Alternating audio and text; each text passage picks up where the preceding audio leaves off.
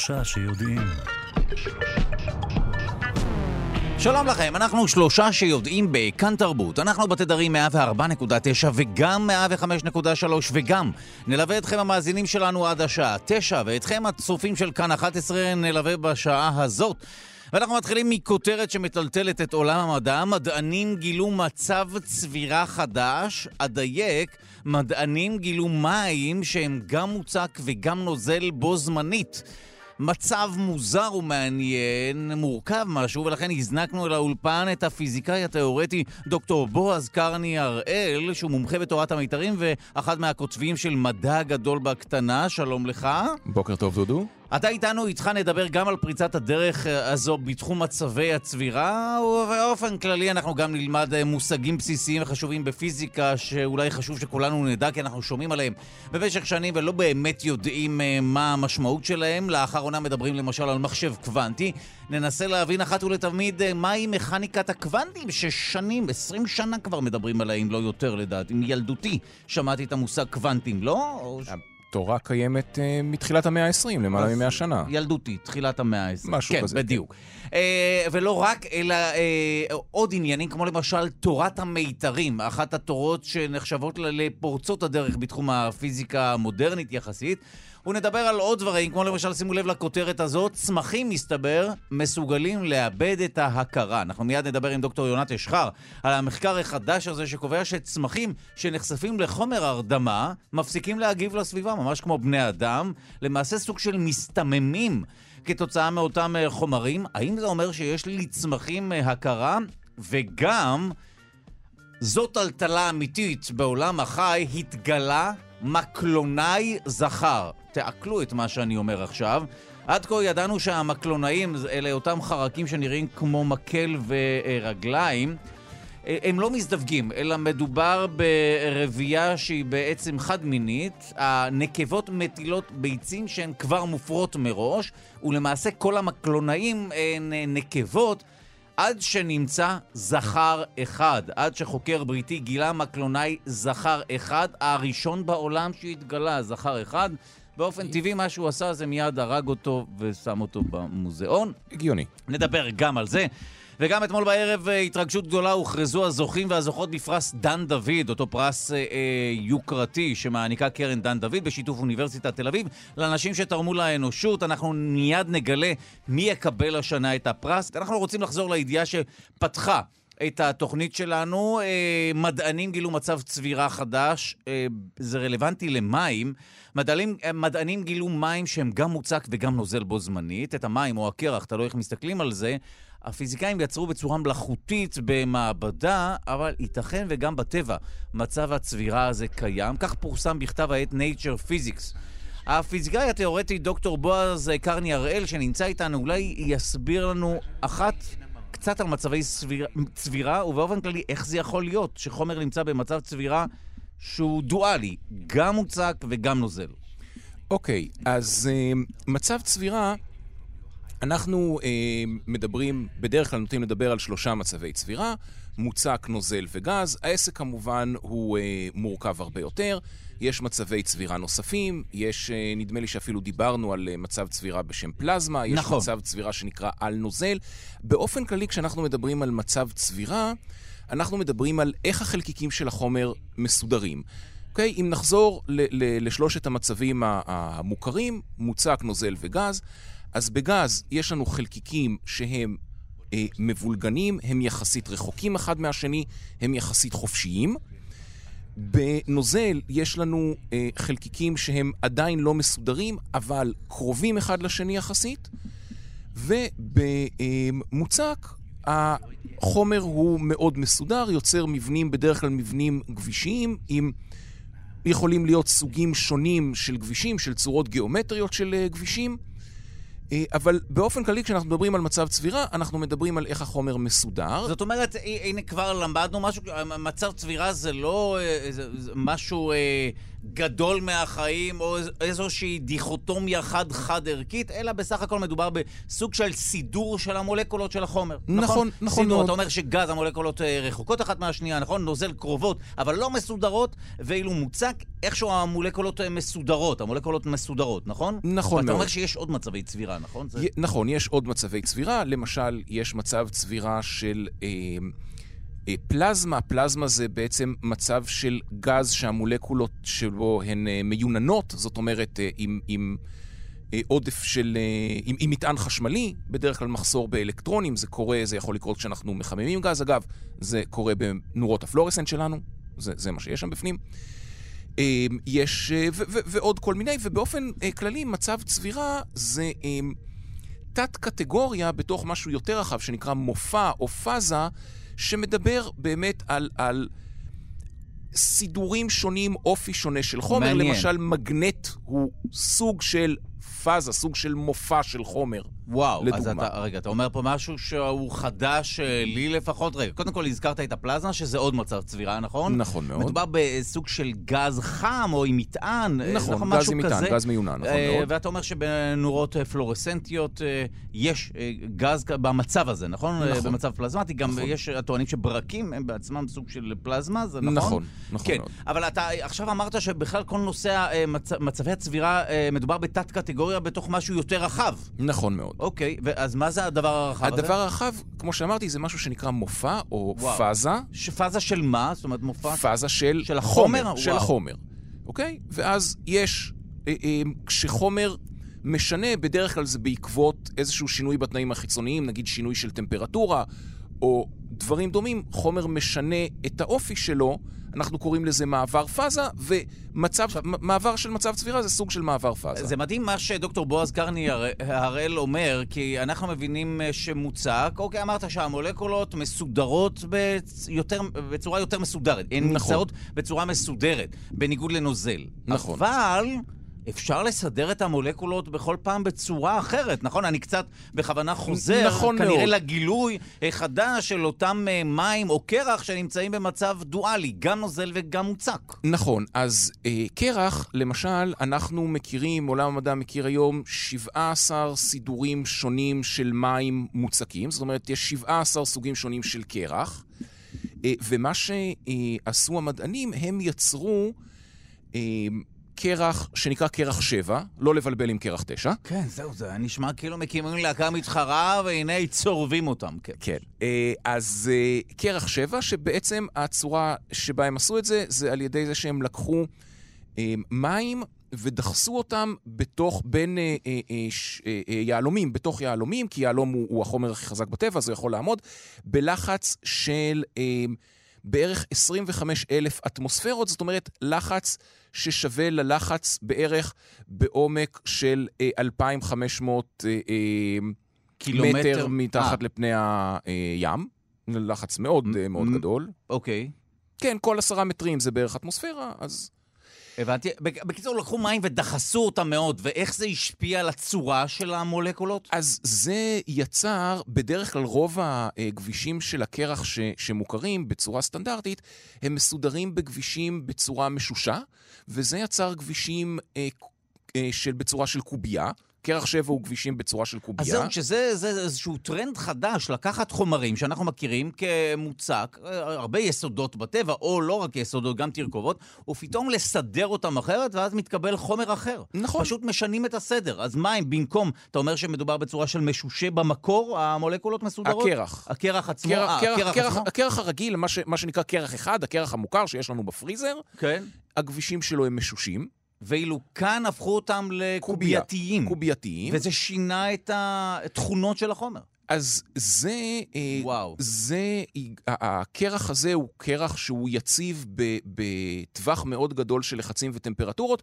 חושבים שזה מה שיש אולי בפלנטות אה, כמו אורנוס או אה, נפטון, ואולי גם בפלנטות מחוץ למערכת השמש, ששורים בהם תנאים זאת מתאימים. אומרת, לא מדובר סתם עכשיו בהזיה של אה, חוקרים, לא, לא, לא. אלא זה משהו שיכול להיות שהתצורה הזו כבר נמצאת בטבע. נכון. במקום אחר. אבל לא על כדור הארץ. כן, בטבע, אבל כן, לא על מעניין. כדור הארץ. אבל פה לא נגמר הסיפור. אוקיי, מעניין. כי את ה... את ה אה, מסה הזאת, אה, אגב, מאוד קטנה, אני לא זוכר בדיוק כמה, אבל ממש מעט מאוד מים, אה, לקחו, העבירו למעבדה אחרת, שיש בה לייזרים מתאימים, והפציצו אותה בלייזרים, מה שגורם להעלאה מאוד גדולה של הטמפרטורה. ההעלאה הגדולה של הטמפרטורה גורמת להעלאה של הלחץ לאזור של אה, עשרות מיליוני אטמוספירות, זאת אומרת, הרבה מאוד לח... לחץ מאוד גדול, ועלייה בטמפרטורה. מה שהעלייה הזו בטמפרטורה עושה, היא בעצם אה, מנתקת, מולקולת מים מורכבת ממימן וחמצן, ומה שבעצם קרה זה שהחמצן נותק, מה, המימן נותק מהחמצן, ובעצם מה שנשאר זה אה, צורה מסודרת, גביש של חמצן, שבתוכו יש גרעינים של מימן, וואו. שחופשיים לנוע בצורה לא מסודרת כמו בנוזל. וואו, זאת אומרת, סידרו מחדש את המים בצורה כזו שבמקום המולקולה של H2O, נכון? זו מולקולה שהיא נכון. בעצם עם uh, שלוש דפנות. Uh, כמו V כזה. נכון. כמו V. אז פתאום סידרו את המים בצורה אחרת, יש לנו רשת שלמה, נכון? היא רשת של חמצן, של נכון? חמצן, ובפנים יש את המימנים. את המימנים שחופשיים וואו. לנוע. ואיך החומר הזה נראה מעניין, וואו. אז החומר הזה, הוא, אה, יש, הייתה כמות אה, מאוד קטנה, אז לא, אני, אני, לא, אני לא ראיתי תמונות או תיאורים, אבל אה, על פי התיאוריה הוא אמור להיות צהבהב, אטום וצהבהב. וואו. אה, הוא מוליך חשמל בגלל שגרעינים של מימן, כמו גרעינים של כל חומר, הם טעונים, הם בעלי מטען, והם חופשיים לנוע, אז... וואו. הם, אז זה יכול להוליך חמש- חשמל. אגב, ו... רק נזכיר שמים אה, מזוקקים לא מוליכים חשמל, נכון? נכון, מים מזוקקים לא אה, מוליכים. מים עם מלח כמובן כן, אה, עדיין מסוכן כמובן, אבל מים מזוקקים לא. לא מוליכים, ו- נכון. ואילו אתה אומר שהדבר הדבר החדש הזה כן. הדבר החדש הזה וואו. מוליך, כן? ו, ומעבר לזה, בדרך כלל במוליכים, נגיד מתכת, כשיש לנו אה, אה, אה, כבל חשמל שהוא מוליך, אז יש שם תנועה של אלקטרונים שהם בעלי מטען חשמלי שלילי. במים האלה, מה שזז זה פרוטונים שהם בעלי מטען חשמלי חיובי, זאת אומרת, יש פה אה, אה, איזושהי הולכה במטען הפוך מהסטנדרטי, שזה, אה, שזה מאוד מגניב בעיניי. די, מדהים. טוב, אנחנו נעצור לרגע, שוב נחזור על הכותרת הזו שאיתה אה, פתחנו היום. מדענים גילו מים במצב צבירה אה, דואלי, זאת אומרת, הצליחו לייצר, אה, החומר עצמו כן נמצא אה, אי שם ביקום, אבל לא כאן בכדור הארץ, ולכן הם ייצרו אותו בצורה מלאכותית. מדובר במים שנמצאים במצב גם נוזל וגם מוצק בו זמנית, ולמעשה סידרו מחדש את המים, נכון? מולקולת מים. במקום אה, מעין פירמידה או משולש כזה, סידרו אותה בצורה של רשת ומולקול, ובעצם אטומים, נכון? כן. מין רשת. אה, סידור גרעינים, מחדש, כן. נכון, של, ה, אה, של המים. אנחנו נדבר על זה אולי בהמשך. אה, כרגע אנחנו רוצים לעבור לצמחים שמאבדים את ההכרה. עוד כותרת מאוד מוזרה ששיגעה אותנו בימים האחרונים. מסתבר שצמחים כן מסוגלים לאבד את ההכרה, כך פורסם בניו יורק טיימס. מדובר במחקר חדש על פיו צמחים שנחשפים לחומרי הרדמה, אכן, מפסיקים להגיב לסביבה ממש כמו בני אדם, ולמעשה מאבדים את ההכרה, סוג של מסתממים, אם אה, אה, נדבר בצורה פרובוקטיבית יותר. לאחר זמן מה, הצמחים מתאוששים. מה זה אומר? שהאם אה, האם הצמחים הם יצורים הרבה יותר מורכבים ממה שחשבנו, ובעיקר, האם זה אומר שיש להם הכרה? ואם כן, האם אני יכול לדרוש מהעציצים שלי בבית להשתתף בדמי השכירות היקרים? שלום לביולוגית דוקטור יונת אשחר ממכון דוידסון, שלום לך. בוקר טוב. קודם אני צריכה לבקש מהחתולה שלי להשתתף בדמי השכירות, נראה איך זה יעבוד. זה לדעתי החשוד ההרבה יותר מיידי מאשר העציצים, אבל אני אומר שלאור יוקר השכירות, צריך לבקש מכל מה שמזכיר חי בבית. כן. אבל רגע, מה, מה באמת אה, הגילוי הגדול בקשר לעציצים? אז הגילוי בעצם, כבר כמה שנים אנחנו יודעים שאפשר להרדים צמחים. שזה אומר שאם אנחנו חושפים אותם לחומרים שאצלנו גורמים להם מה שנקרא הרדמה כללית, שכאילו knock you out, שאתה כמו אתר למשל, שאתה נושם את זה ואתה פשוט נכנס למצב של חוסר הכרה, כן. אז אם חושפים צמחים לזה, הם גם נכנסים למצב שקצת מזכיר חוסר הכרה. עכשיו, זה קצת זאת אומרת, מוזר. יש צמחים, כן, יש... שאנחנו לא חושבים שיש להם הכרה. זהו, אז אחת, אה, אנחנו, את מיד תאמרי לנו, אבל אה, איך זה עובד על בני אדם? האם זה לא קשור למערכת העצבית שלנו? זאת אומרת, איך החומרים האלה פועלים עלינו, ואיך הם אה, מייצרים את אותו אפקט על צמח, צמחים? אז אני דווקא לא מיד אגיד לכם, כי אני לא יודעת, כי אף אחד לא יודע. אז תורידו אותה אה, מהקו, בבקשה. הרדמה כללית זה אחד המסתורים הגדולים של הרפואה, משתמשים פה כבר יותר מ-150 שנה, אה, גילו את זה בעצם במאה ה-19, משתמשים בו מאז בהצלחה מרובה. אה, אם אה, היה לך, לך או לבועז, ניסיון בהרדמה כללית, באיזה ניתוח, אז אתם אולי יודעים שזה לא מרגיש כמו שינה בכלל. מעניין. לי לא בזמן האחרון, אתה הורדמת לאחרונה? לא, לא, אבל מיד נרדים את דוקטור בועז קרניאר לצורך הניסוי כמובן. אז אפשר לעשות רגע, זה לא מרגיש כמו שינה? אוקיי. לא מרגיש בדיוק כמו שינה, כי כשבשינה אתה מרגיש בעצם, כשאתה מתעורר אתה מרגיש שאיזשהו זמן עבר. כשיש רק כשאתה מוקדם, אתה מוקדם ואתה מתעורר, אתה לא מרגיש שהיה מעבר זמן. זה משנה, משנה את תפיסת הזמן, לא וואו. בדיוק, זה, זה, זה, וגם מבחינה מוחית, אה, זה בעצם סוג של משתק את, ה, את ההולכה העצבית באמת במוח. תודה שלי יש למה להגיד על הדרישות פירוט כנראה, כי עושה פה מייללת מאחוריי. אה, זה לא אותו מצב כמו שאנחנו רואים במוח למשל בזמן שינה, ואנחנו לא יודעים בדיוק איך זה עושה את זה. יש גם הרבה חומרים שונים שגורמים לאפקט הזה, שאין הרבה דברים משותפים ביניהם, הם כנראה פועלים על דברים אחרים. ובעצם המחקר החדש, אחד הדברים שהוא עשה, זה בעצם הוא הציע שצמחים יכולים להיות מודל טוב ללמוד איך הרדמה כללית עובדת. כי זה עובד גם עליהם. אנחנו לא יודעים את זה בבעלי חיים, וזה עובד גם עליהם. וואו. את אומרת שעד היום... מה זה אומר עובד גם עליהם? אבל רגע, אז כן. עד היום את, את אומרת שלא ממש יודעים איך החומרים האלה פועלים, ומהו אותו מצב הרדמה שנגרם לנו כתוצאה מהחומרים האלה? נכון, יודעים וואו. שזה בעצם אה, קצת משתק את היכולת של העצבים שלנו לתקשר אחד עם השני, באמת לייצר את מה שנקרא אה, פוטנציאל פעולה, שזה הזרמים החשמליים שעוברים... אה, במוח שלנו מתא אחד לשני, אבל לא בדיוק יודעים איך, ויכול להיות גם שחומרים שונים עושים את זה בצורה שונה. כן. מה, שהם, מה שהחוקרים הראו, הם הראו שיותר צמחים ממה שחשבנו אה, מסוגלים, אה, מושפעים מהרדמה. עכשיו, אנחנו דנו למשל שצמחים טורפים, למשל הדיוניה, מה שנקרא לפעמים אה, מלכודת ונוס, זה צמח הזה שנראה קצת כמו דפק כזה, שיש שני חלקים שנסגרים. כן, כן, הנה, אני מראה את זה לצופים, זה מקסימום האילוסטרציה שאפשר. כרגע, כי אנחנו בהרצה, אבל למאזינים נתאר שאני פשוט אה, פותח וסוגר את האצבעות. כן. הבנתי, מעולה. אמ, אז הם נסגרים כשהם חשים, יש להם ממש יכולת לחוש כשיש איזשהו אה, חרק בדרך כלל שהולך על ה...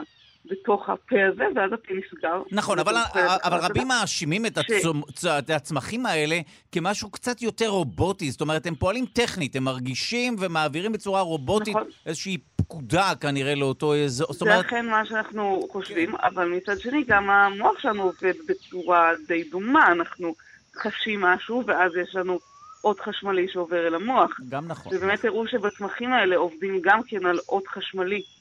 שאותו פוטנציאל פעולה מאוד מאוד דומה לנוירונים לתאי הצו שלנו. ויש להם מערכת עצבית? וכשחושבים אותם לאתר, כן. הם, הם בעצם מפסיקים לעשות את זה.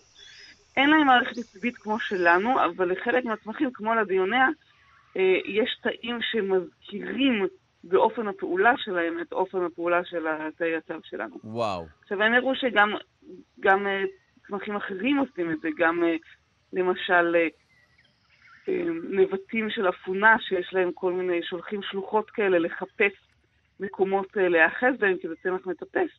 כשחושפים אותם לאתר, אז אה, הם מפסיקים לזוז והם ככה נופלים על עצמם. אה, צמחים שהשורשים שלהם עובדים בלהתפרס ככה ולמצוא מקום דרך, למצוא דרך דרך האדמה. חושפים אותם להרדמה, הם מפסיקים לעשות את זה. והם גילו שאחד הדברים שזה משפיע עליו, זה היכולת של הקרום של התא להיות פעיל. הקרום של התא שלנו זה לא משהו שהוא רק uh, סתם איזה מעטפת, הוא כל הזמן פעיל והוא גם יוצר בועיות קטנות שמשחררות חומרים ו- ומכניסות חומרים בחזרה אל התא. כן. ובעצם כך אנחנו גם, זה גם הדרך שבה תאי הצו שלנו במוח מעבירים מידע מאחד לשני. וכנראה שההרדמה פועלת לפחות חלקית על הקרום התא, וככה גם מפריעה למוח שלנו לתקשר, לתאים שלנו במוח לתקשר אחד עם השני, וגם מפריעה לפעילות של הצמחים. אז זה ההשערה שלהם לאיך ה... אה, איך ההרדמה עובדת, ומציעים באמת את הצמחים, כמו שאמרתי, כסוג של מודל לבדוק את זה עליהם. וואו, והנה גילו באמת שאותם חומרי הרדמה שגורמים לנו למין איזה נוקאוט כזה, או מוציאים אותנו החוצה לתוך איזו הרדמה לא ברורה, משהו שהוא שונה משינה, זה קורה גם לצמחים. טוב, האמת שהטיעונים האלה, כצמחוני, אני אומר לך, שהמחקרים האלה הם מסוכנים כמובן, כי יבואו כל האנשים שאוכלים בשר ויאמרו, הנה, זו ההוכחה שאתם הצמחונים פוגעים בצמחים, ולכן זה אותו דבר. כן, אני... אני לא זוכרת מי זה, זה משפט מפורסם שפעיל של זכויות בעלי חיים, אני חושבת פה במאה ה-19, אמר שהשאלה היא לא אם הם יודעים לחשוב, השאלה אם הם מסוגלים לסבול. מעניין. אה, אנחנו יודעים שבעלי חיים חשים כאב, אנחנו לא יודעים שצמחים חשים כאב. אה. אז זאת אומרת, זה בסדר אז, אה, לאכול חסה פחות פרה מבחינת הסבל שאנחנו גורמים. אפילו בתור מישהי שהיא לא לגמרי צמחונית, אני אומרת, כן, זה יותר בסדר לאכול חסה. פייר. גם לא כל כך נעים להרוג כדי לאכול, זה כאילו, אם אתה רעב, תתקע חסה. לא נעים. לא צריך להרוג, זה דרמטי קצת. אוקיי, אז הנה בזכותך למדנו שיש, אה, מסתבר, לצמחים, אנחנו לא יודעים אם יש להם הכרה, אבל אנחנו כן אה, יודעים שהם מאבדים אותה. כמובן, אה, הכל תלוי איך אנחנו מגדירים הכרה, אבל צמחים מסוגלים להירדם, סוג של להירדם כתוצאה מחומרי הרדמה ולאבד את היכולות שלהם, ואז להתאושש ממש כמו אנשים ש... אה, איכשהו מסתממים, אני בכוונה אהיה פרובוקטיבי, ואז חוזרים, הם מתאוששים אחרי כמה שעות. טוב, זה כמובן אה, מרתק, ואני משער שזו רק ההתחלה של החקירה או המחקר הזה. אנחנו רוצים להודות מעומק הלב לביולוגי דוקטור יונת אשחר ממכון דוידסון. תודה רבה. תודה רבה לכם. טוב, אכן אה, משהו שמטלטל את עולם הצמחים, עולם המדע, בעיקר אותנו. לגמרי, לגמרי. אני, אני קצת דמיינתי צמחים אה, אסורים יושבים וצורכים את עצמם ב... האמת שאתה צודק שיש פה פתח ללופ קומי מאוד גדול, אתה צודק. מה יהיה עם אותם צמחים אסורים, לא חשוב שמות, קנאביס, יושפעו מעצמם, ואז הלופ שאי אפשר לצאת ממנו, ירדמו למאה שנה, כמו סינדרלה או, סליחה, משהו. היפהפייה הנרדמת. נכון, אתה דייקת אותי. שהיא נרדמת בשם, זה... אתה צודק שהשם מסגיר את העלילה. צודק, דייקת אותי, והערה לעניין. אבל כרגע התרגשות גדולה. אה, אנחנו מעדכנים שאתמול בערב הוכרזו הזוכים והזוכות בפרס דן דוד. פרס אה, שהוא על שמו של אותו פילנטרופ, אה, איש עסקים יהודי, שתרם את רוב הונו לקרן, קרן דן דוד, הון של 100 מיליון דולר. מהקרן הזו מחולקים פרסים מדי שנה. הפרסים הם כמובן עבור אנשים שתרמו לאנושות והוכיחו מצוינות בתחום המדע, הרוח, האומנות, העסקים והשירות הציבורי. מי הוכרז? אנחנו כולנו אה, אה, מתים לדעת, אני בכוונה משתמש בשפה הזו, אנחנו רוצים לדעת מי יקבל את הפרס, מי יקבל או אה, תקבל את הפרס. שלום אה, לגברת סמדר פישר, מנהלת פרס דן דוד, שלום לך. שלום ובוקר טוב. טוב, אנחנו כולנו מסוקרנים, אה, הפרס מכובד, יוק, יוקרתי ומסקרן. מי, מי הפעם יקבל את הפרס? אז כך, אז הפעם בממד העבר, אתה יודע שהפרס מחולק בשלושת ממדי הזמן. בממד העבר, שהנושא היה היסטוריה של המדעים, את הפרסים מקבלים שלושה. פרופסור לורן דסטון ממקס פלאנק בברלין, פרופסור אוולין פוקס קלר מה-MIT, ופרופסור סיימון שפר מקינגס קול, uh, סליחה, מ University of קמברידג'. כן, רק אני באמת אזכיר למאזינים וגם לצופים שלנו שהפרס מחולק לשלוש קטגוריות על.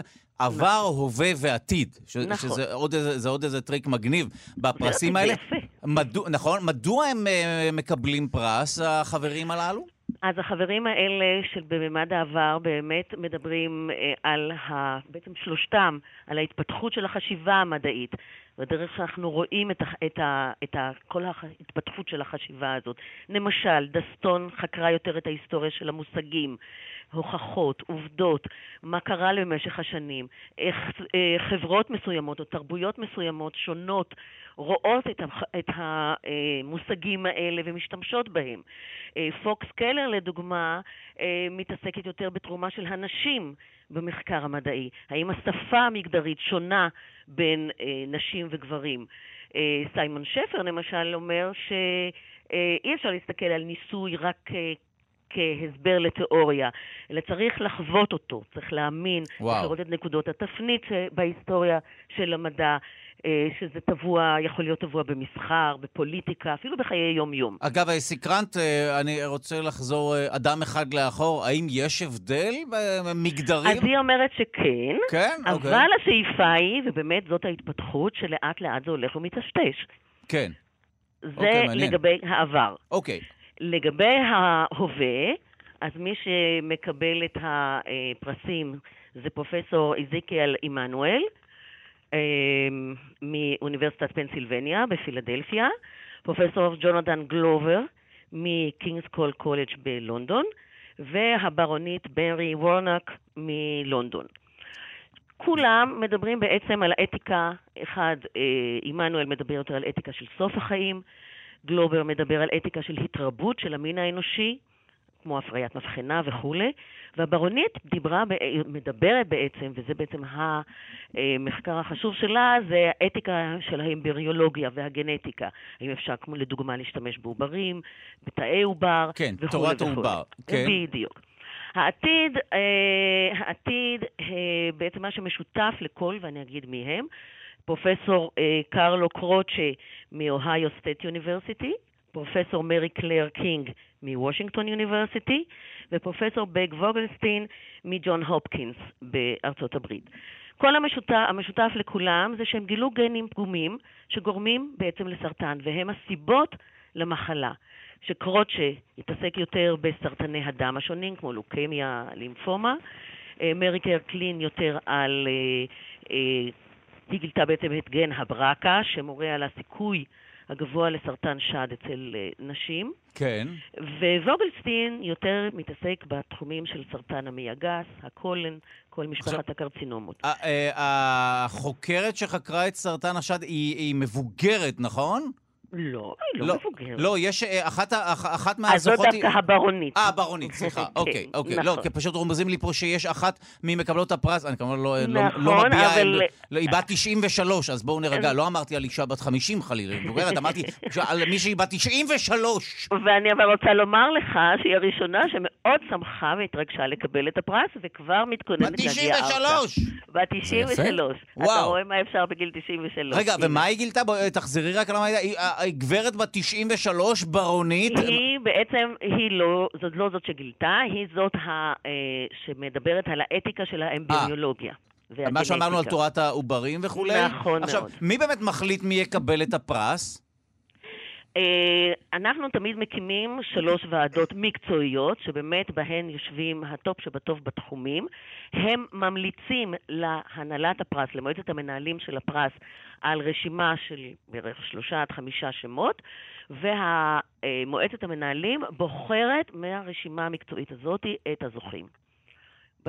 במועצת המנהלים של פרס דן דוד יושבים כמובן גם אה, אנשי אקדמיה מכל העולם, אנשי עסקים, גם חברי אוניברסיטת תל אביב, עכשיו, מדובר גם בפרס כספי, נכון? נכון. כל ממד זמן אה, אה, גובהו מיליון דולר, שמתחלק בין הזוכים, זאת אומרת שלושה מיליון דולר בשנה. אה, אה, עשרה אחוז מהסכום הזה מופרש או נתרם על ידי הזוכים למלג... למלגות לחוקרים צעירים, דוקטורנטים ובתר דוקטורים. אה, כך שזה בעצם המשך לדור הצעיר יותר ועזרה במחקר. ל... ל... באמת לדור הביניים, מה שאנחנו קוראים. לגמרי. עכשיו, אני מבין שמדובר בקרן שיש בה 100 מיליון דולר, זה מתישהו ייגמר ואז לא חבל? זהו, אה, כבר לא. אני הכרתי את דן דוד, והוא תמיד הרגיע אותי. אה, אוקיי. כן. מבחינת זה שלא אה, אז ייגמר שם הקרן הכסף. הזאת, בעצם אה, דן דוד הקים את קרן דן דוד, שאחד הפרויקטים זה פרס דן דוד עם המיליון, 100 מיליון דולר. כן. כן. אוקיי, טוב, אה, מתי יתקיים, אגב, הטקס עצמו, הטקס הרשמי? אתמול רק הטקס- הוכרזו הזוכים, שימו לב, כן. נכון, נכון. הטקס התקיים בשישה למאי באוניברסיטת תל אביב, בטקס מאוד מרשים ועם הרבה מאוד אורחים, וכולנו מתרגשים. טוב, אה, גם אנחנו, ותודה רבה על העדכון כמובן. תודה לגברת סמדר פישר, מנהלת פרס דן דוד. תודה רבה. תודה רבה לך. ושוב נזכיר שהסיפור המרתק הוא שמדובר בפילנטרופ יהודי שעשה את רוב הונו מעסקי הצילום העצמי. הוא הקים את חברת פוטומ, אה, פוטומט, כן, לצילום אה, אוטומטי עצמי כזה של תמונות. כפי שדוקטור בועז קרני הראל אמר, בסרטים זה תמיד שם זוג שנכנס, וזה חלק מתהליך החיזור המקובל. בהסכמה. יש סטנדרטים, יש סטנדרטים. במציאות זה אדם בודד שנכנס כדי להוציא תעודת זהות כי גנבו לו. משהו. במבט כן. מיואש. אוקיי. טוב, אנחנו רוצים לחזור לדוקטור בועז קרני הראל. אנחנו הבטחנו לכם לדבר מעט על אה, מכניקת הקוונטים, או תורת הקוונטים, מה זה קוונט, איך הדבר הזה פרץ לחיינו. מה, מה רע בפיזיקה הקלאסית? תפוח נופל, גרביטציה, ביי, תודה רבה, אני הייתי ערב טוב. אה, שום דבר לא רע במכניקה הקוונטית, למעט, במכניקה הקלאסית, סליחה, למעט העובדה שבסוף, אה, במחצית השנייה של המאה ה-19, התברר שיש דברים שהיא פשוט לא יכולה להסביר.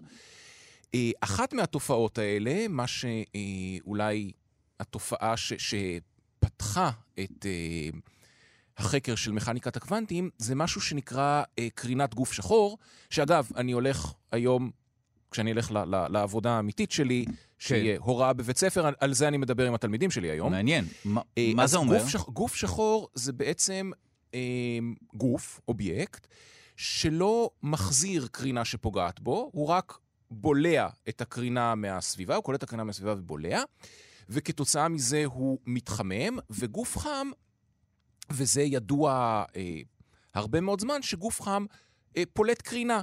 כתוצאה מזה שהוא, אה, כתוצאה מזה שהוא חם.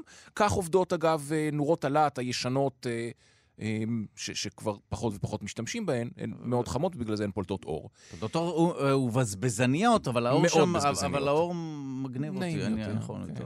כן, בכל אוקיי. מקרה, אז אה, היה, אה, נעשה חישוב כן. במסגרת... הפיזיקה במסגרת תורת התורה האלקטרומגנטית, קרינה זה אלקטרומגנטיות נכון. הקלאסית, במסגרת האלקטרומגנטיות הקלאסית.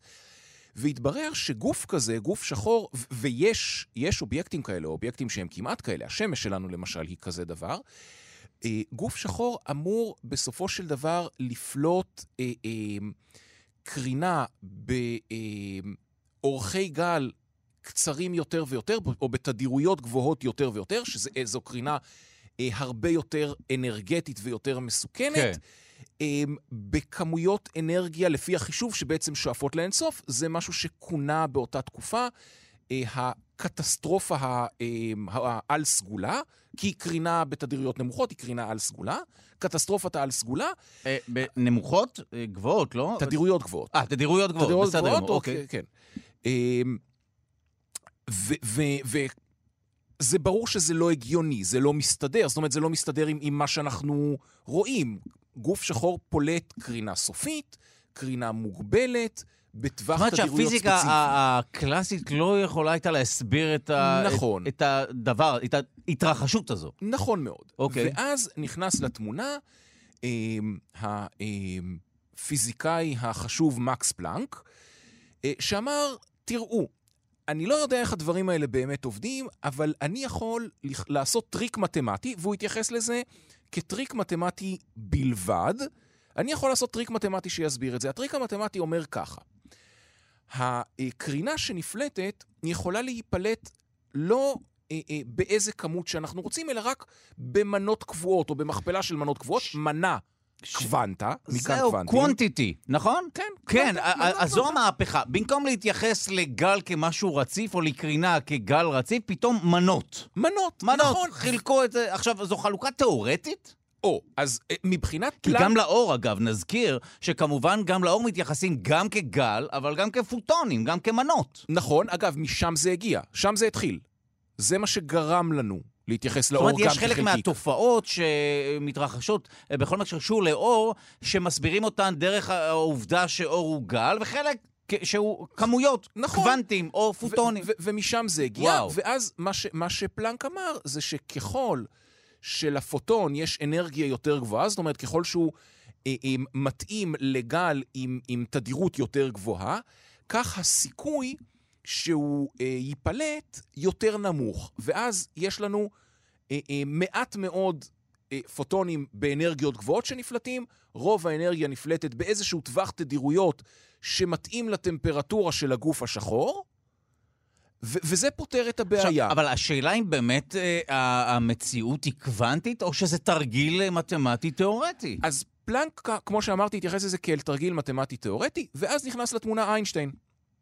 איינשטיין אה, הסביר תופעה שנקראת האפקט הפוטואלקטרי. הוא אמר שבעצם אה, זו תופעה שבה אם אנחנו מקרינים אור על מתכת, אז המתכת פולטת אלקטרונים.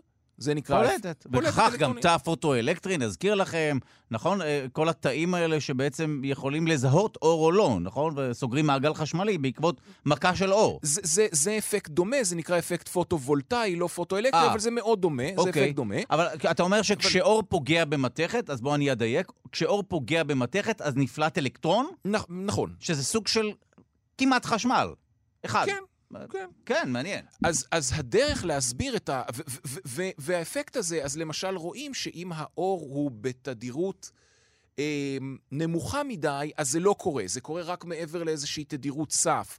ויש עוד כל מיני אה, אה, נקודות עדינות של איך האפקט הזה עובד, ואיינשטיין אמר שהדרך היחידה להסביר את כל ההתנהגות של האפקט הפוטואלקטרי זה אם התעלול המתמטי של פלנק הוא לא תעלול מתמטי, אלא וואו. תיאור נכון של העולם.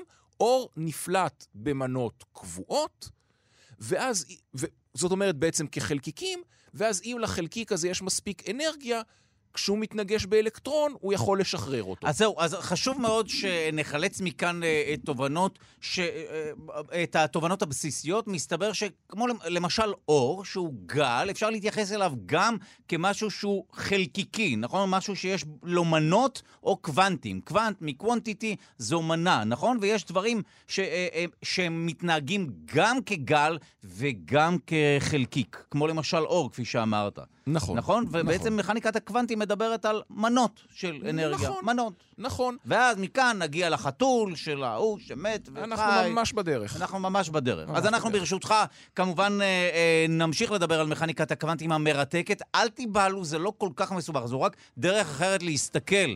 על, אה, אה, על המציאות שלנו, נכון? נכון מאוד. אבל אה, כפי שהאנדר אה, מסגיר כמובן, הנה.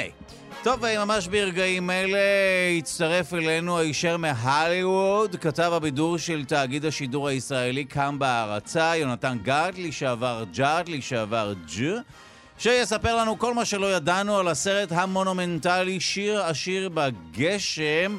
אגב, אה, מעדכנים אותי שהמטוס של יונתן נחת לפני חצי שעה, אבל הוא הוברח דרך מסוע המזוודות בקופסה כדי להגיע לכאן. הנה הוא כאן איתנו. זהו. הוא כאן, עשה צ'ק אאוט וכל ההליכים האלה, ארז לבד. הבאתי לך שמפיין. אני רוצה להודות לך על החומרים האסורים. טוב, שלום לך, יונתן גת לשעבר, ג'אט לשעבר, ג'ו, כתבנו בהליווד. שיר השיר בגשם. מה? למה? אתה יודע, אתה יודע... חם! אתה יודע כמה מאות ואלפי מיוזיקלס נשכחו לגמרי, והיום הם אה, נחשבים לפתטיים עד חורמה. ואיך אה, מיוזיקל אחד כן. הצליח להחזיק מעמד אה, 55 שנה. ועדיין כולנו ועדיין... מכירים שירים, ודאי את השיר המפורסם מהמחזמר. כמובן, אה, שיר השיר בגשם. ודאי. ויש שם את השיר גם Make Them Laugh, שעשו ממנו המון המון וריאציות אחר כך. וכן, זה מיוזיקל שמתברר שמאחורי הקלעים שלו מדהימים עוד יותר באמת? ממה שקורה על המסך, מה, אבל בגדול... מה הסיפור שם באמת למי שלא ראה את זה? הסיפור הוא לא סיפור נורא חמוד. הסיפור, יפה, הנה אנחנו שומעים. זה השיר המפורסם, כן. כן. שהוא כוכב קולנוע בסרט, גם בחיים, אבל גם בסרט, הוא כוכב קולנוע. באולפנים שעוברים מהסרט האילם אל הסרט המדבר. יום אחד הם מגלים שהסרט האילם אה, כנראה כבר הופך להיות פסה, והם ממירים סרט אילם לסרט מדבר. והם מחביאים שם מיקרופונים, וצריך לדבר יותר ימינה, אתה יודע.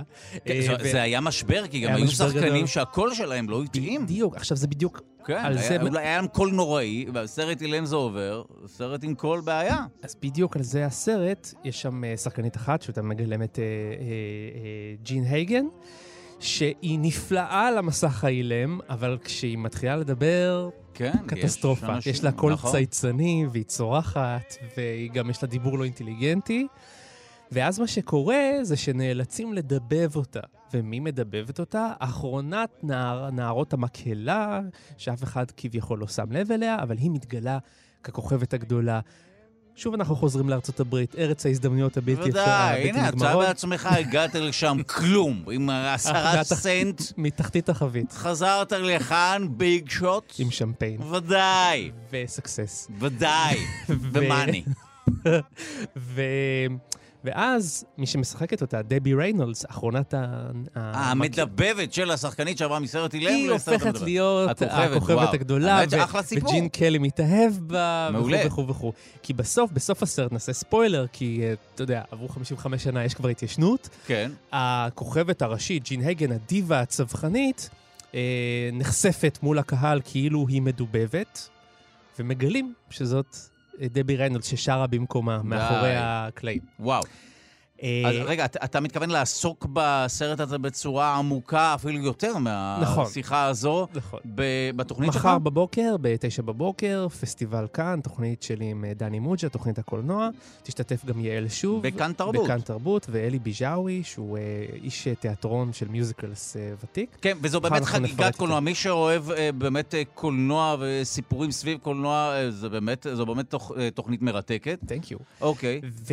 ואז אתה יודע, מה שמדהים, אתה לא תאמין מה שאני הולך לספר לך. אם, כן. אתה, אם אנשים לא מכירים את מאחורי הקלעים של שיר השיר בגשם, אבל אתה זוכר, אמרתי לך שהשחקנית הדיבה, שאותה מגלמת אה, אה, אה, ג'ין הייגן, בגלל שהיא צווחנית בסרט, אז דבי ריינולדס שרה במקומה בסרט, אוקיי? או-אה. אבל שים לב מה קורה מאחורי הקלעים. זה קצת מסובך, אבל אתה מיד תבין. כן, בפ- בפועל, כן. מי שמדבבת את ג'ין הייגן בסרט, זו היא עצמה. ג'ין הייגן השחקנית די. מדבבת את דבי ריינולדס, שמדבבת אותה.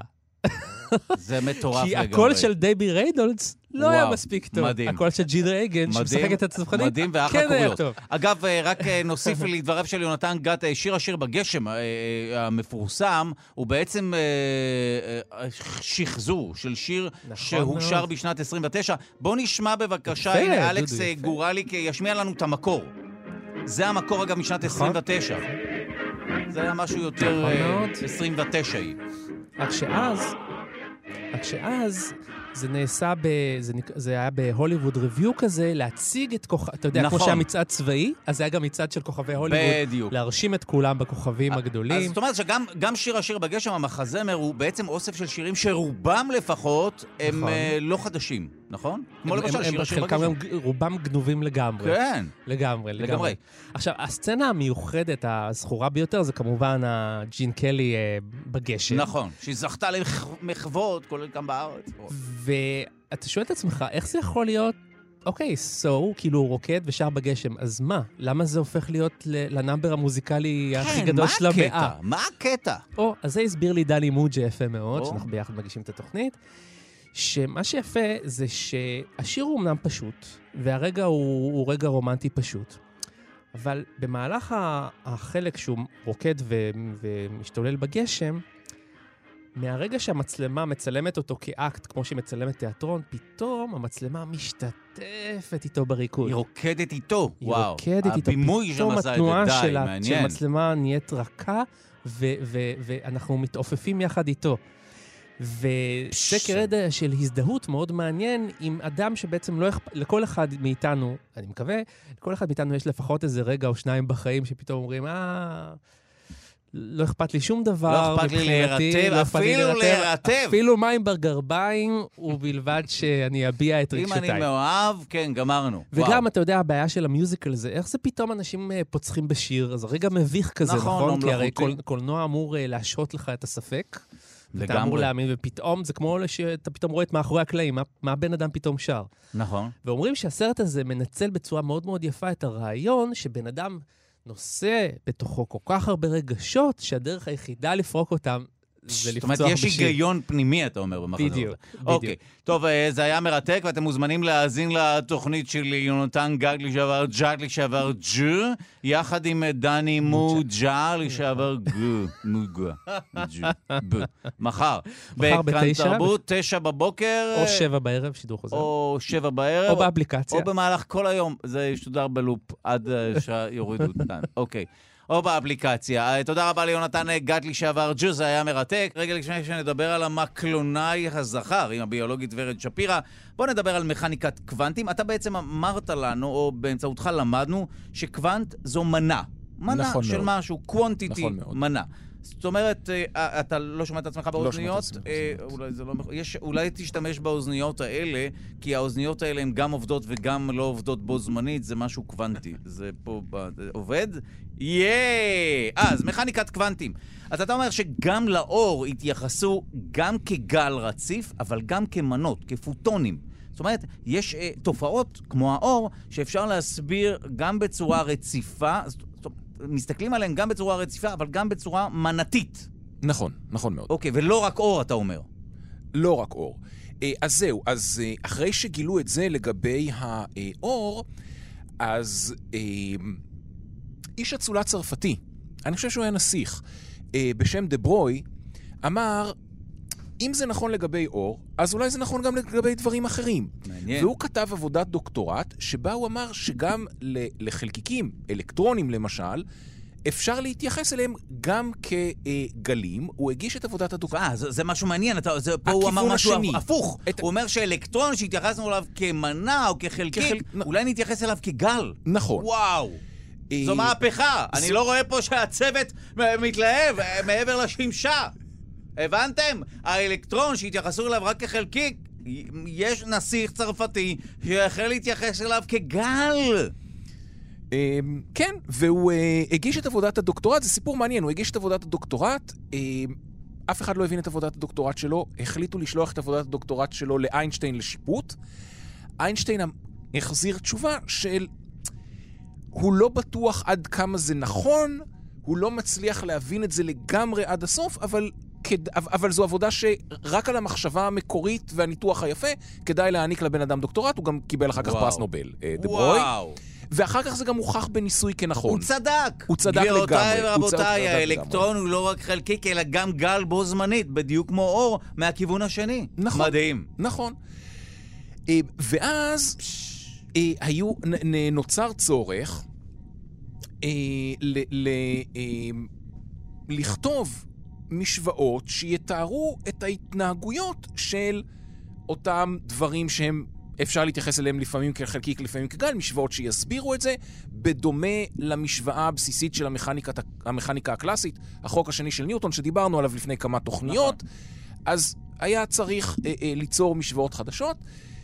אה, והראשון ש, שהצליח אה, ליצור אה, משוואה כזו היה הפיזיקאי הגרמני אה, ארווין שרודינגר.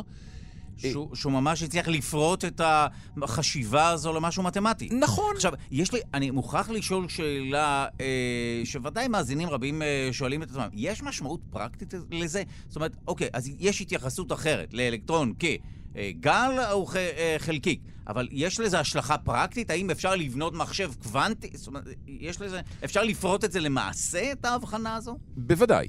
מעניין. אה, אה, אה, אה, מיקרוסקופ אלקטרונים עובד על זה, זה משמש לגילוי והבנה של, אה, של חומרים. אה, למעשה, הרבה מאוד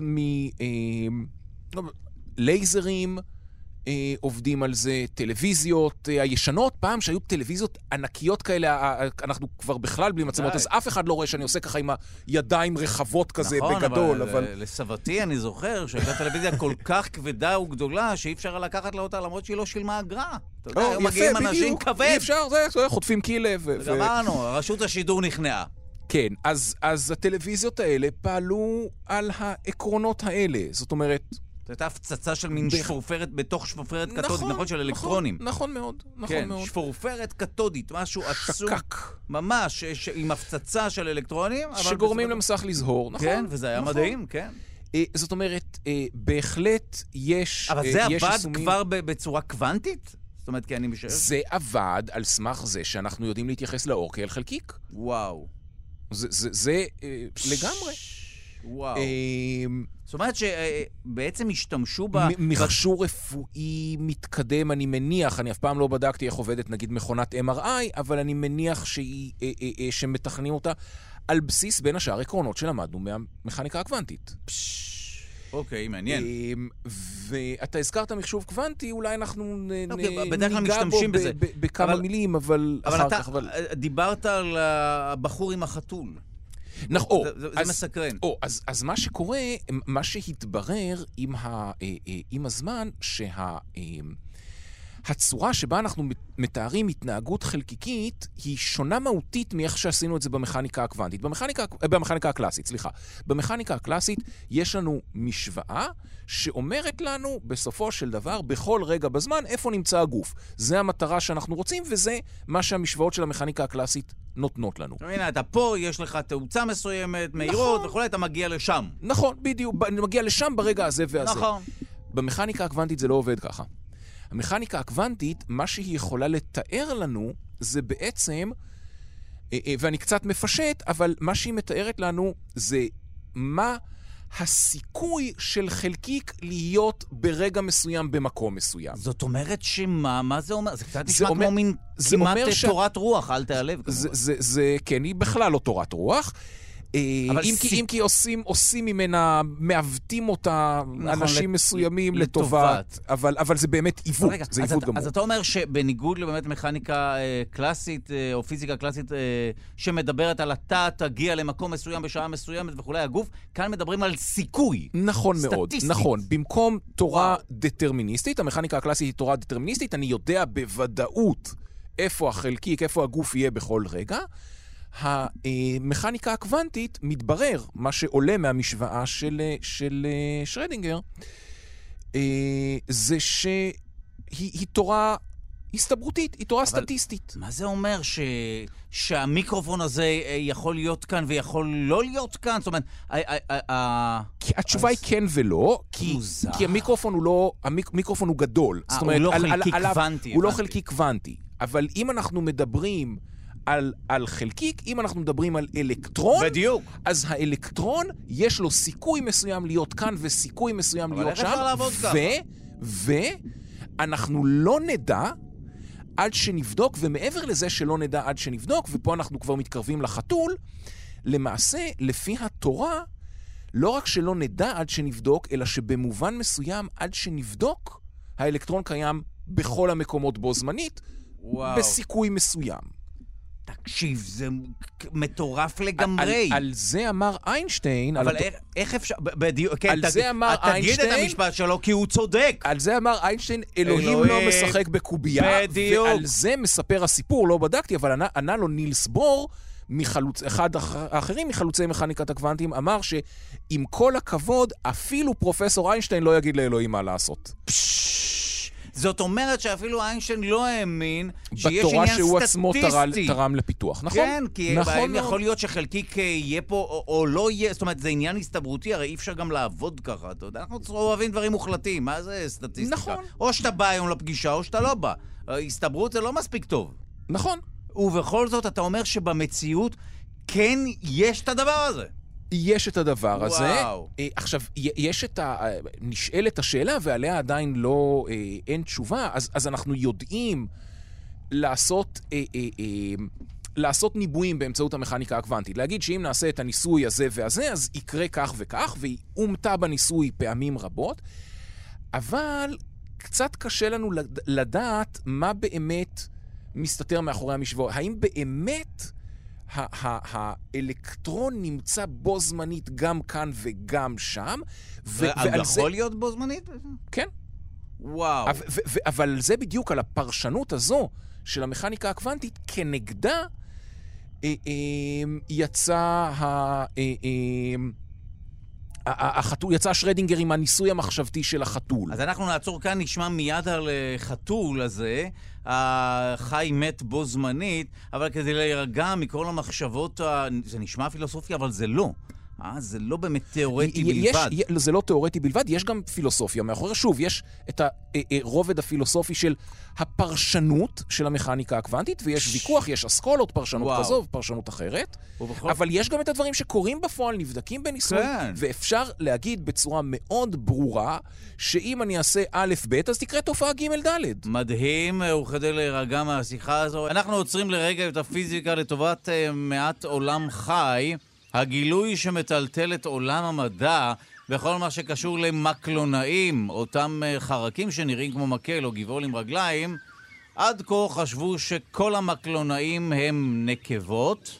אז למה מקלונאי ולא מקלונאית? אם כן, ענייני מגדר, אנחנו רוצים להעלות במקביל גם את הגברת גיל מרקוביץ' וגם את בילי מוסקונה לרמן וגם את עוררת המשדר ענת רחל אורי. אבל גם את הביולוגית אה, ורד שפירא ממכון דוידסון, שתענה לא רק על השאלה הלשונית הזו, אלא איך זה יכול להיות שאחרי מיליארדי שנים של מקלונאים נקבות התגלה אחד זכר. שלום לך. בוקר טוב. מה? מה קורה כאן, נכון? אנחנו בהלם.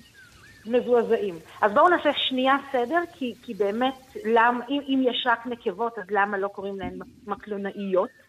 אז מדובר בסדרה של חרקים. מקלונאים הם סדרה של חרקים, זה אומר שהסדרה הזאת מכילה אלפי מינים, משהו כמו בין 2,500 ל-3,000 מינים שאנחנו מכירים. בתוך קבוצה הזאת שיש בה המוני מינים, יש מינים שבהם יש רק מקלונאיות, ויש 아. אה. כאלה שיש בהם גם זכרים וגם נקבות. אז יש היגיון. אז בואי נדבר, בואי נדבר כן. ברשותך כן. על המקלונאיות שהן נקבות. אה, מדובר באיזושהי אה, הטלת ביצים מופרות מראש, נכון? נכון. זה טריק שלא... ב... אוקיי, בבקשה. כן, מדובר כאן בתופעה של רביית בתולין. עכשיו, נתחיל ממה זה המקלונאי הזה, מה זה היצור הזה. מדובר בחרק שאין לו המון אמצעי הגנה. אמצעי ההגנה שלו כדי להתגונן מפני טורפים זו הסוואה מצוינת. כן. הם נראים בדרך כלל כמו ענפים או כמו עלים. אמ, יש אפילו מינים שכשהם אה, חיים על אה, צמחים בעלי אה, מחלה מסוימת, הם גם מחקים את הדוגמה של המחלה, של הפטריה או של הקמחון שיש לעלים, הם... והם נורא נורא יפים. וזה גם מה שמלחיץ בחרק הזה, שאנחנו... לא, הוא לא בעצ... מלחיץ. אני חושבת שגם אנשים שנלחצים מחרקים כן. מול מקלון או מקלונית, הם, יש בהם משהו אחר. הם mm. עדינים מאוד, הם נעים מאוד מאוד לאט, מה שמוריד את סף הלחץ והחרדה. חרקים למתחילים, כל מה שקשור לחרדה. לגמרי. אוקיי. אה, וברגע שהם נמצאים מול סכנה, כל מה שהם מסוגלים לעשות זה לעשות אה, מניעות כאלה קטנות ולעשות את עצמם כאילו הם חלק מהצמח. אוקיי, מעניין. אה, אז, אז הם מאוד יפים, מאוד עדינים, הם אוכלי צמחים, הם באמת בלתי מזיקים בעליל. ובתוך הקבוצה הזאת יש מינים שבהם יש רק נקבות, כשההתרבות שלהם היא בתופעה שנקראת רביית בתולים. שזה משהו מדהים בעיניי, זה אומר שלא צריך זכרים. זה, לא, זה אומר ש, שהנקבה מפיקה ביצים, והביצים האלה מפיקות צאצאים, כשהצאצאים זהים לה מבחינה גנטית. אז זה בעצם שכפול, זה שיבוט. היא משבטת את עצמה, יוצרת צאצאים שהם אה, אה, זהים לה.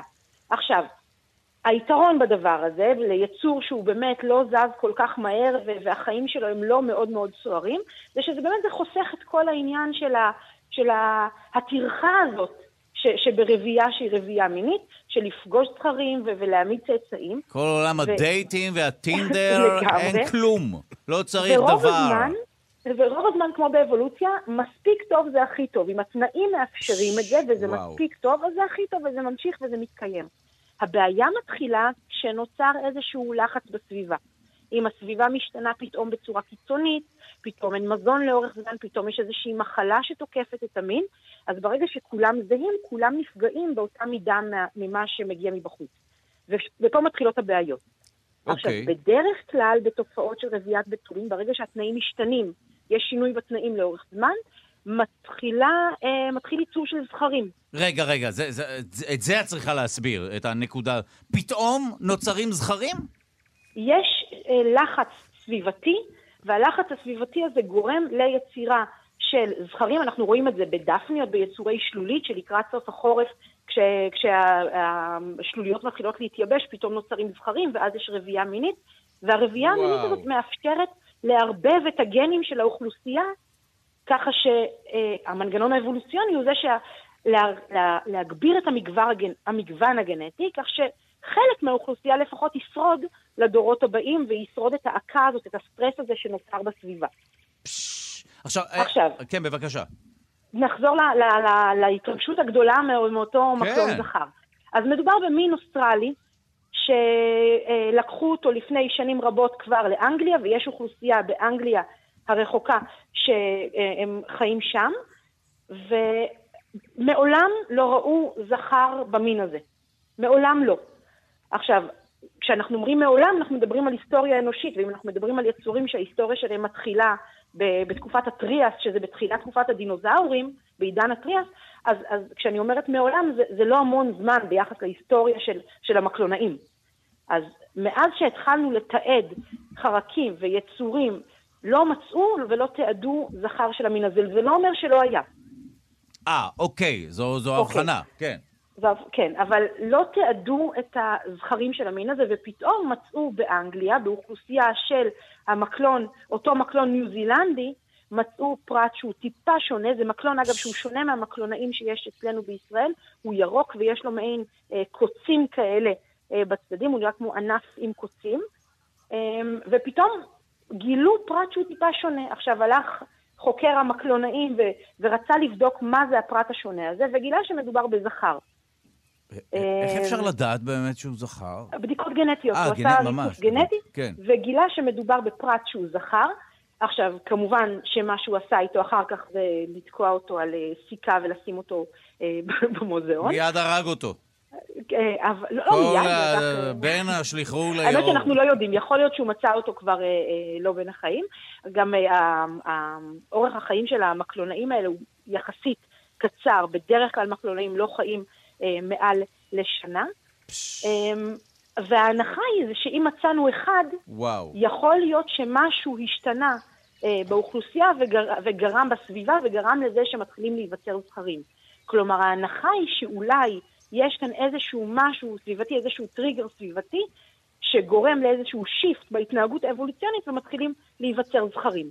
אולי, אנחנו לא יודעים את זה בוודאות, אולי. אז הנה, למדנו שיכול מאוד להיות שבאמת היו זכרים, אבל עקרונית האמזונות לא היו צריכים זכרים כדי להתרבות, שזה כבר מפתיע. אה, ויש מצב ששינוי של תנאים כן מייצר, במרכאות או לא, זכרים פתאום. זה, יש את זה כן. בעוד מינים, נכון? זה לא המין היחיד שזה כך אצלו. נכון, לגמרי, יש המון המון מינים שזה כך. אנחנו רואים את זה גם, כאמור, בדפניות שנהיית יצורי שלולית. ואגב, המקלונאים שיש בישראל, המקלונאים שאנחנו מוצאים בישראל, יש שלושה מינים של מקלונאים, שניים הם כן, דווקא כן מתרבים ברבייה מינית. Mm. כלומר, יש, ב, בישראל יש זכרים ונקבות, ויש מין אחד ש, שאצלו יש אך ורק נקבות. אבל זה לא משהו נדיר בעולם החי, שהתנאים בסביבה, יש גם עניין של אה, שינוי מין. בדגים אנחנו רואים את זה הרבה פעמים, או בצבים, או שהחום של הסביבה משפיע על, ה, על המין של הצאצא שנמצא בתוך הביצה. בצבים אנחנו מכירים את זה, ובזוחלים רבים. כלומר, התנאים של הסביבה יכולים להשפיע על מה שקורה אה, למין של העובר. עכשיו, אה, כמובן השאלה המתבקשת, ברשותך לסיום, האם אה, יש חשש אה, שגם אצל בני האדם, ודאי לאור מה שקורה בתקופה האחרונה, אנשים אה, אה, יעברו לרבייה אה, לא מינית, רביית בתולים, והזכרים, בני האדם, אה, יהיו מיותרים בעולם? עוד לא. הרגעת אותנו. אנחנו עוד לא שם. אני, נס, נסתפק בדברים האלה. עוד לא, זה נשמע כאילו, אבל יכול להיות שבעוד שבועיים. עוד חודש, כן. תשמע, מה שיפה באבולוציה זה שהיא לא מפסיקה ברגע שאנחנו מתחילים לדבר עליה, אז אנחנו לא יודעים. מדהים. טוב, אה, תודה רבה לביולוגית ורד שפירא ממכון אה, דוידסון על השיחה המרתקת הזאת. תודה רבה. להתראות. ואנחנו חוזרים למכניקת הקוונטים עם דוקטור בועז קרני הראל, אה, והנה הגענו לחתול. חתול זה תמיד uh, ודאי, בנושא. אני מיד אמצא רחש של חתול, תתנהג טבעי. הנה, יש לי פה אפליקציה עם רחשים של חתולים. בבקשה, כן. אז, אמ, אז הניסוי המחשבתי והתקופה של אה, תחילת המאה ה-20 אה, עמוסה במין ניסויים מחשבתיים כאלה של מה יקרה אם, הניסוי המחשבתי ש- שמכונה החתול של שרדינגר, ש- שאנחנו ש- שוב מדברים על מכניקת קוונטים, וכפי שאמרנו, חלקיק, שאתה אמרת שחלקיק עשוי להיות במקום מסוים, וגם זה ברמה סטטיסטית. נכון. או בצ... אה, או אה, סיכוי לא, לא. לא, לא, לא, סיכוי, כן. עכשיו, זה לא רק במקום מסוים, זה באופן כללי ב- במצב מסוים. וואו. ואחת הפרשנויות לתורה הייתה שבאמת עד לרגע המדידה, חלקיק נמצא במין תערובת של מצבים. הנה מצאתי זה חתול? לא? זה כן. הוא במצוקה, נמצא כן. אחד יותר מרשים. כן, אוקיי. אמ, ו- ו- ולשרדינגר היה קשה עם הפרשנות הזו. אה, והוא עשה ניסוי מחשבתי בשביל לנגח את זה, ומה שהוא אומר, הוא אומר ככה, בואו נדמיין לעצמנו, כן. ושימו לב, אף חתול לא נפגע במהלך הפקת הניסוי הזה. זהו, זה ממש אה, משהו כל. שהוא תיאורטי, מחשבתי וכולי. לגמרי. אז הוא אומר. בואו בוא נדמיין לעצמנו חתול בתוך קופסה, ובתוך הקופסה יש איזשהו חלקיק רדיואקטיבי, שאחרי, נגיד, שעה, יש סיכוי של 50% שהחלקיק עבר התפרקות רדיואקטיבית. אוקיי, ו- ואז? אם החלקיק עבר התפרקות רדיואקטיבית, כן. אז הוא מפעיל איזשהו מנגנון שהורג את החתול. אוקיי. עד עכשיו ואז- מקובל על ארגוני זכויות בעלי החיים. ואז נשאלת השאלה, מה קורה עם החתול בתום השעה הזו לפני שאנחנו אה. מסתכלים? ומה שאומרת, אחת הפרשנויות של המכניקה הקוונטית אומרת ככה, יש, בוא נסתכל על שני, יש שני מצבים ברורים, חתול חי וחתול מת. נכון. עכשיו, המצב האמיתי של החתול הוא מין סכום של שני המצבים האלה, שאחרי שעה כל אחד מהם מרכיב 50% מהסכום, כי יש לנו 50% שהחתול חי ו-50% שהחתול מת, אז המצב האמיתי של החתול כן. הוא חצי חי ועוד חצי מת. בעצם, אם נדייק, בגלל כל מיני עניינים מתמטיים, זה לא חצי ועוד חצי, זה 1 חלקי שורש 2 ועוד 1 חלקי שורש 2, אבל אוקיי. זה פחות חשוב. וזה באמת המצב האמיתי של החתול. זה לא שהחתול גם חי וגם מת, זה שהחתול נמצא במצב אחר, הוא לא חי, הוא לא מת, הוא מצב שהוא חצי חי ועוד חצי מת. כי הוא תלוי המ- בחלקיק שהוא... ש- שהוא תלוי בחלקית, שב-50% עבר התפרקות בפרק הזמן וואו. הזה. וזה אומר שרדינגר, חבר'ה, הוא אומר, זה לא סביר. כאילו, חתול, הוא או חי או מת, לא יכול להיות, ועל זה אמרו לו, לא. בסופו של דבר, ואגב, וזו הפרשנות המקובלת היום, שאומרים, לא, עד שנפתח את הקופסה ונבצע בדיקה, עד לאותו רגע, החתול באמת נמצא באיזשהו מצב שהוא לא חי ולא מת אל הסכום שלהם, כאשר כמובן צריך לזכור ששוב, על חתול זה לא יעבוד, חתול לא חלקיק קוונטי, הוא מערכת מורכבת, אבל אם אנחנו מדברים על חלקיק, אם אנחנו מדברים על אותו אה, אה, אה, אטום רדיואקטיבי, אז ב, בתום השעה, המצב שלו הוא חצי עבר התפרקות ועוד חצי לא עבר התפרקות, מין אה, סכום כזה. וואו. וזה, וזו היום הפרשנות המקובלת, שזה פש. אכן מה, ש, אה, מה שקורה. ו- חי מת בו זמנית. לא. תיאורטית. לא, לא, משהו אחר שהוא לא חי ולא מת, אלא סכום של... זה, זה, אני, אני שמעתי דימוי מאוד מאוד יפה ממכר מאוד מוכשר, דוקטור גדי אלכסנדרוביץ', אה, שאמר, בוא נסתכל על זה, נסתכל על תל אביב ועל חיפה. חי זה תל אביב, מת זה חיפה, והמצב האמיתי של החתול הוא חדרה. חדרה היא לא תל אביב והיא לא חיפה, היא באמצע הדרך. כן, אבל... טוב, זה, זה, זה, זה, זה דימוי שאני מאוד אוהב. מעניין, והנה העלבת כמובן עיר שלמה, אז אנחנו מודים לך. למה? לך- חדרה היא באמת לא תל אביב ולא חיפה. לא, נכון, אבל העלבת את חיפה קצת. העלבתי, אני מתנצל בפני חיפה. אנחנו ממשיכים בסוף השבוע הקרוב. יהודים רבים ברחבי העולם יקראו בבתי הכנסת אה, וגם בבתים שלהם את פרשת משפטים. אנחנו רוצים אה, לומר שלום למי שתספר לנו על הפרשה הזו, שעוסקת ככל הנראה בהרחבה של אותם כללים שקיבלנו אה, בעשרת הדיברות. שלום לדוקטור ליאת בן דוד, מנכ"לית מכון דוידסון, הזרוע החינוכית של מכון ויצמן למדע. אה, וגם מפרסמת את הבלוג רגע לפני שבת כבר 17 שנה. שלום לך. בוקר טוב. טוב, קודם כל, מנכ"לית מכון דוידסון, אנחנו נעזרים בהרבה מאוד חוקרים אה, אה, שאתם שולחים לנו, אז אנחנו קודם כל רוצים להודות לך כמובן. באמת, העיניים משותפת לגמרי. כבוד uh, ושמחה גדולה על שיתוף הפעולה על זה. רגע, אני מוכרח לשאול, את כותבת את הבלוג רגע לפני שבת כבר 17 שנה, uh, על מה הבלוג ואיך הגעת לכתיבתו? תראה, בגדול אני כותבת על פרשת השבוע, אבל נקודת המבט שלי האישית, לא, אתה יודע, אישה מדענית, חילונית למהדרין אגב. דור רביעי בארץ, וכן, זה שלנו, זה של כולנו, ש... אין בעלות על התורה. כששוב... 17 שנה. זהו, שנספר למאזינים שהבלוג הזה הוא, הוא, הוא משהו מאוד משמעותי ונחשב ל... אנשים רבים קוראים אותו, ואנחנו רוצים באמת להשתתף בחגיגה הזו באמצעות האינפוטים שלך על פרשת השבוע, השבוע או מחר, בסוף השבוע הזה, אנחנו, או יהודים רבים, קוראים את פרשת משפטים. נכון, פרשת משפטים, פרשה אה, מדהימה, אה, שהאמת היא שמתחברת גם לשאלה ששאלת אותי באופן אישי, אה, על למה ואיך אני כותבת. תראה, אנחנו בדיוק יצאנו ממצרים. שבוע שעבר קראנו פרשת יתרו, מעמד הר סיני, קיבלנו את התורה, ועכשיו בפרשת משפטים אנחנו מתחילים בעצם את כל החלק הדחיקתי. עוברים באמת מעשרת הדיברות. אל החוקים והמצוות, בעיקר משפטים, אה, אה, אה, דינים בסיסיים, אבל התורה מעבירה אותנו ממעמד, מהמעמד המלא הוד הזה אל המצוות דרך משפט מרתק. כי אלוהים אומר למשה, ואלה המשפטים אשר טסים לפניהם. ככה הוא מתחיל. אבל תגידי, דוקטור ליאת בן דוד, הרי אם לא מדובר בעוקץ, אוקיי, היינו שם, קיבלנו את עשרת הדיברות. אוקיי, היה עשן, אפקטים וכאלה. עכשיו, עוד כללים. זה לא, מדובר... להפך. זה... תחשוב רגע, אתה עומד מול הר סיני עם כל העשן ו- ותמרות העשן ושומע, רואה את הקולות, לא סתם שומע אותם, רואה אותם. הדבר הכי בסיסי שעושים לבני אדם, זה אומרים להם, עכשיו ראיתם אותי, אז עכשיו תעשו את מה שאני אומר לכם. אבל זה לא מה שאלוהים אומר, הוא אומר, אני, אתה, הוא אומר למשה, אתה תשים לפניהם משפטים.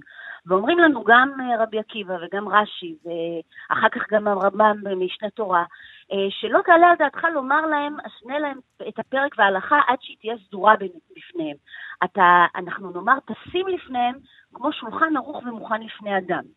כלומר, הקדוש ברוך הוא אומר לנו, הרמב"ם במשנה תורה, הוא לא מושך וגוזר על בני האדם, על היהודים לעשות כן, אלא מעשה האדם בידי האדם. אנחנו בוחרים. ויש פה קו ישיר בין אה, אה, אברהם אבינו ועד אלה משפטים שטסים לפניהם. מדוע? לא... מה הקו הישיר הזה? או, והוא גם מתחבר בדיוק למדע ולתפיסה מדעית. כי הקו, שאלת את עצמך פעם למה אברהם אבינו הוא היהודי הראשון, נחשב ליהודי הראשון? הרי זה לא בגלל שהוא דיבר עם אלוהים, נכון? הרי גם אדם דיבר עם אלוהים, אדם הראשון דיבר עם אלוהים, היו לו יחסים איתו. אה, נכון. על, כן, גם, אבל אז... גם, רגע, רגע, 아. גם נוח דיבר עם אלוהים. נכון. נכון? נו, אבל הם לא היהודים הראשונים. אם כן מצאת באג בתנ"ך. פה, בבקשה. לא, לא באג, אלא אה, משהו שמחבר אותנו בדיוק לסיפור הזה של בחירה. מכיוון שאדם מסתובב לו בגן עדן ואוכל מהתפוח אחרי שהנחש וחווה ככה אה, עבדו עליו, וכשאלוהים שואל אותו למה אכלת את מה שאמרתי לך לא לאכול, מה אומר לו אדם? אתה זוכר? דוקטור בועז קרני, הרי לא כן, זוכר. האישה, האישה, או כן, זה היה פה רגע של חגיגה בסנוקר, ימשיך כבודו. אני עכשיו תופס את עצמי במחווה לסרט. אוקיי, בבקשה. בסדר, אז... אה, אה, נמצא איתנו גם, בואו נגלה אגב למאזינים, אה, לא דוקטור, אבל איש הרדיו, אריה גולדנברג נמצא איתנו, נכון? אז אתה אולי נכון. תעזור לי גם כן, תלחש לי דברים. האישה שעימדי, היא פיתתה אותי. היא פיתתה אותי! אם כן מתו. אני בכלל לא אשם. וכשאלוהים בא ואומר לנוח, אני הולך להשמיד את כל בני האדם ואתה צריך להקים עכשיו תיבה, מה אומר לו נוח? הוא מנסה להתווכח איתו? הוא הולך ובונה תיבה, מה שנקרא, האדם, נוח יכול להיות הראשון שמצדיק את עצמו בזה, אני רק מילאתי הוראות, נכון? כן. נכון. אבל אברהם אבינו מה עושה כשאלוהים אומר לו שהוא הולך להשמיד את סדום? מתחיל להתווכח. כן, הוא לא פראייר. לא, אם יהיו חמישים צדיקים, אם יהיו נכון. חמישה צדיקים, הוא רוצה רק בעשרה. כלומר, אברהם אבינו הוא גם, הוא גם, אה, אפילו כשאלוהים אומר לו להקריב את יצחק בפרשה הקשה ההיא של העקדה, מספרים לנו הפרשנים שאלוהים אומר לו, אתה תיקח את בנך, את יחידך, אשר אהבת, כי אברהם בעצם מתווכח איתו. אתה תיקח את בנך, אז אברהם אומר לו, יש לי שניים. אתה תיקח את יחידך, אז הוא אומר לו, כל אחד מהם יחיד לאמו. אשר אהבת מה, אני אבא, אני אוהבת שניהם, נכון? רגע, אז את ורק רוצה... אז לו- הוא אומר לו את יצחק. רגע, רגע, הדלק. כי את אומרת עכשיו שבעצם היהודי הראשון הוא בעצם ההוא שהייתה לו את אותה חוצפה. חשיבה ביקורתית. כן, החצוף הראשון. אברהם. היה חצוף. נכון, וזה גם אנחנו המדענים חצופים. כי מה אנחנו מנסים כמובן לעשות? שאי אפשר להשתמש במילה חצוף לרבנים ולאברהם אבינו, אנחנו נתקן, כמובן. לא, זה ממש בסדר. אוקיי. גם אנחנו חצופים, אנחנו שואלים. לא, אבל זה מדהים שבאמת. שהיה להם אומץ באמת לאברהם אבינו להתווכח עם אלוהים. בכבודו ובעצמו. מה? ולכן הוא זכה להיחשב ליהודי הראשון. כי הוא וואו. והוא שואל, והוא מטיל ספק, והוא מעביר ביקורת. מעניין. אפרופו, אפרופו התוכנית אה, שלך שכל פעם מדברת על היבטים אחרים במדע. ו, וזה בדיוק אה, משפטים, תשים לפניהם. אתה תשים לפניהם והם צריכים להחליט לבחור בהם, או אה, שלא. וואו. ולכן יש פה קו ישיר שמעודד את כל הנושא הזה, שאנחנו נדרשים לחיות לפיו, חשיבה ביקורתית וליישם אותה, וזה בעצם לקיחת אחריות, גם ברמה האישית וגם ברמה הקהילתית, אחריות על עצמנו ועל הסובבים אותנו. זה אחריות שמלווה בחשיבה נוקבת כלפי אלוהים, לא סתם. זאת אומרת שאנחנו לא צריכים לקבל. את הדברים האלה ולציית בצורה עיוורת, אלא עדיין להפעיל שיקול דעת, ובעיקר לבחור, כי אנחנו כאן כדי לבחור. בדיוק. ו- ולחשוב בצורה ביקורתית ואחראית. מדהים. אלוהים לא רוצה אותנו אה, אה, אה, מאשימים אחרים כמו אדם, או נעשה אה, עושים אה, רק מה שהוא מצווה עלינו כמו נוח. הוא רוצה אותנו חושבים באופן ביקורתי ואחראי. ועוד ההוא האשים ולכן את אברהם אשתו, הגנוע. פדיחה. בדיוק. ראית מה זה? לא לעניין, לא לעניין. זה גבר בחייך. זה לא לא רציני. מאז האישה תמיד. אשמה. כן, תראה איך עצוב. אשתו אשמה, אתה לא מתבייש. תאמין לי, טוב שגירשו אותו! איך שאנחנו נולדות, אנחנו אשמות. עכשיו, מה זה תשים לפניהם? בעצם, אה, אחר כך כבר יהיו מספיק פעמים שיגידו לנו, ויצוו עלינו, ויגידו לנו לעשות, ו... אבל פה, ברגע הראשון הזה, של, ה, של אה, ההתחלה של כל התיאור של המצוות והחוקים, אה, הצמד מילים הזה, תשים לפניהם, מבטא בעצם את הקשר הישיר וואו. והמיידי למסורת הזאת של הנה, אני בוחר בכם בני ישראל. ומוציא אתכם משעבוד, ואני נותן לכם את חוכמתי עם זכות הבחירה. וואו, זכות ובעיניי- הבחירה, מדהים. בדיוק. זכות הבחירה וזכות השאלה. אז לעולם כמו- אל תזלזל באנשים ששואלים אותך שאלות ותגיד להם, סתום את הפה ותעשה כי כך כתוב. לא, זה לא העניין. ממש לא. ממש לא, להפך. ו- ועצם העובדה שגם דור אחרי דור אנחנו מפרשים ומוסיפים ו- נכון. ולוקחים את הדברים ל- לאן שאנחנו, זה כמו, בעצם נותנים לנו שלד של בניין, והזכות שלנו היא אה, להחליט איפה יהיו הדלתות ואיפה יהיו מדהים. החלונות ואיך נקשט. ובכל דור ודור אנחנו מחדש אה, מבקרים את המצוות האלה ונותנים להם פרשנויות מפרשנויות שונות. וואו, יופי של uh, תובנה שחילצת מפרשה שהיא יחסית טכנית. אני הייתי בטוח שמדובר באמת בעוד uh, הכתבה של נורמות מפורטות, אבל מסתבר שלא, שיש פה משהו יותר עמוק. כן? יש פה, אה, תשמע, והגית בו, זוכר? מה זה להגות? ולילה. אנחנו אומרים להגות רעיון. מזל נכון? שאתה פה, והגית בו יומם ולילה. ככה אומרים לנו? כן, כן. אז אנחנו הוגי רעיונות, אנחנו מסתכלים על התורה והוגים הרבה דברים. שנה אחרי שנה. זה היה מרתק אה, ומעורר מחשבה כמובן. תודה רבה מעומק הלב למנכ"לית. מכון דוידסון, אה, דוקטור ליאת בן דוד, אה, וכותבת ומפרסמת את הבלוג רגע לפני שבת כבר 17 שנה. תודה רבה לך. שבוע טוב, שבת שלום. תודה מעומק הלב לאחד והיחיד הפיזיקאי התיאורטי דוקטור בועז קרני הראל, מומחה בתורת המיתרים אה, ואחד מכותבי מדע גדול בקטנה. זה היה מרתק. לא דיברנו על תורת. המיתרים! אתה תצטרך להזמין אותי שוב. אני בהלם! אני לא מאמין, זה הכי מעניין. וואי. טוב, אנחנו נעשה פרק שלם על תורת המיתרים. יש מה להגיד, נכון? זה משהו מרתק. כן, בהחלט. לגמרי. טוב, אנחנו נודה לכל מי שאמר על השידור הזה, עוררת המשדר ינת רחל אורי. המפיקה שלנו ינת רחל אורי. שתיים. על הביצוע הטכני אלכס גורליק, תודה אלכס. תודה רבה למאפרת דניאלה בן ירי, תודה רבה ליגאל שפירא שמלווה את המשדר הזה באמצעות הוואטסאפ. ועכשיו אפשר להאזין לשלושה שיודעים בכל זמן ובכל מקום באמצעות אפליקציה, יישומון שנקרא כאן אודי, כאן עוד. ולא רק לשלושה שיודעים, אתם מוזמנים להוריד את היישומון כאן אודי, ותוכלו להאזין לכל התוכניות של כאן תרבות בכל זמן ובכל מקום, כל ההסכתים, המוסיקה, החדשות והאודי. חפשו את היישומון, הוא חינמי לגמרי, וגם התוכן. אנחנו כמובן מאחלים לכם סוף שבוע נעים ושבת שלום, ונהיה כאן אה, ביום ראשון עם שלל ענייני מדע וידע מרתקים. שוב תודה לכם, וסוף שבוע נעים. thank you